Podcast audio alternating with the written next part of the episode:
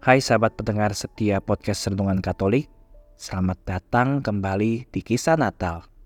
Hari ini kita sudah memasuki hari kelima oktav Natal. Hari yang dipenuhi dengan sukacita dan keajaiban.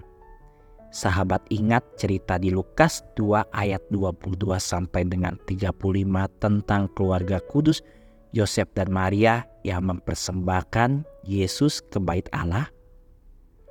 Saat itu, Simeon seorang yang saleh menyambut Yesus dengan penuh sukacita dan berkata, Tuhan sekarang engkau memberikan istirahat kepada hambamu dalam damai sejahtera sesuai dengan janjimu, sebab mataku telah melihat keselamatan yang engkau sediakan. Yosef dan Maria pun takjub mendengar nubuat tentang anak mereka ini. Sahabatku, Persembahan anak sulung Yahudi pada zaman itu memiliki dua tujuan. Yang pertama adalah penebusan anak sulung tersebut. Yang kedua adalah untuk pentahiran ibunya.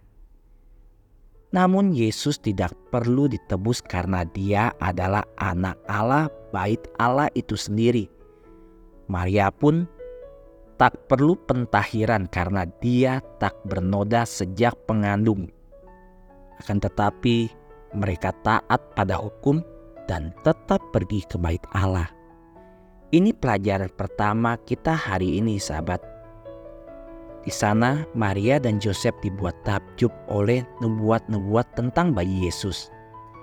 Di akhir pasal ini, Santo Lukas menulis bahwa Maria menyimpan semua perkara ini dalam hatinya. Pernahkah sahabat kagum dengan ingatan ibu sahabat tentang kalian? Begitu banyak hal yang mereka simpan dalam memori mereka, dalam hati mereka, tentang masing-masing dari anak.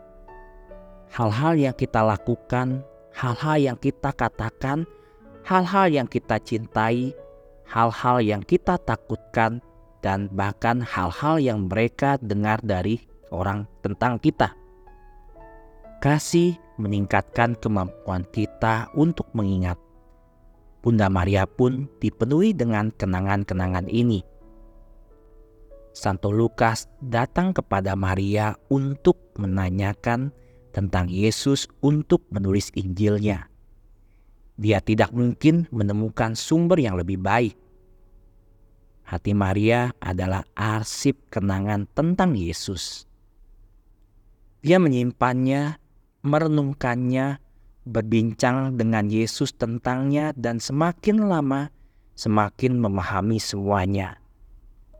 Itulah doa mental, sahabatku, mengambil semua hal yang tertulis dalam Injil dan merenungkannya dalam hati.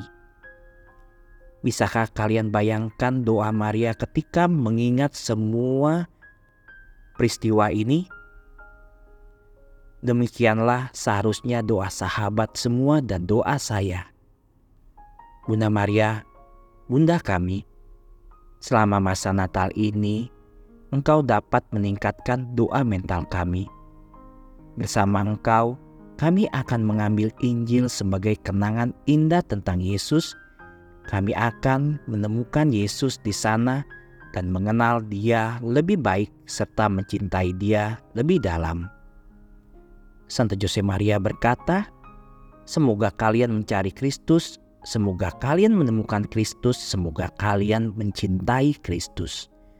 Bunda Maria, harapan kita dan tata kebijaksanaan, doakanlah kami.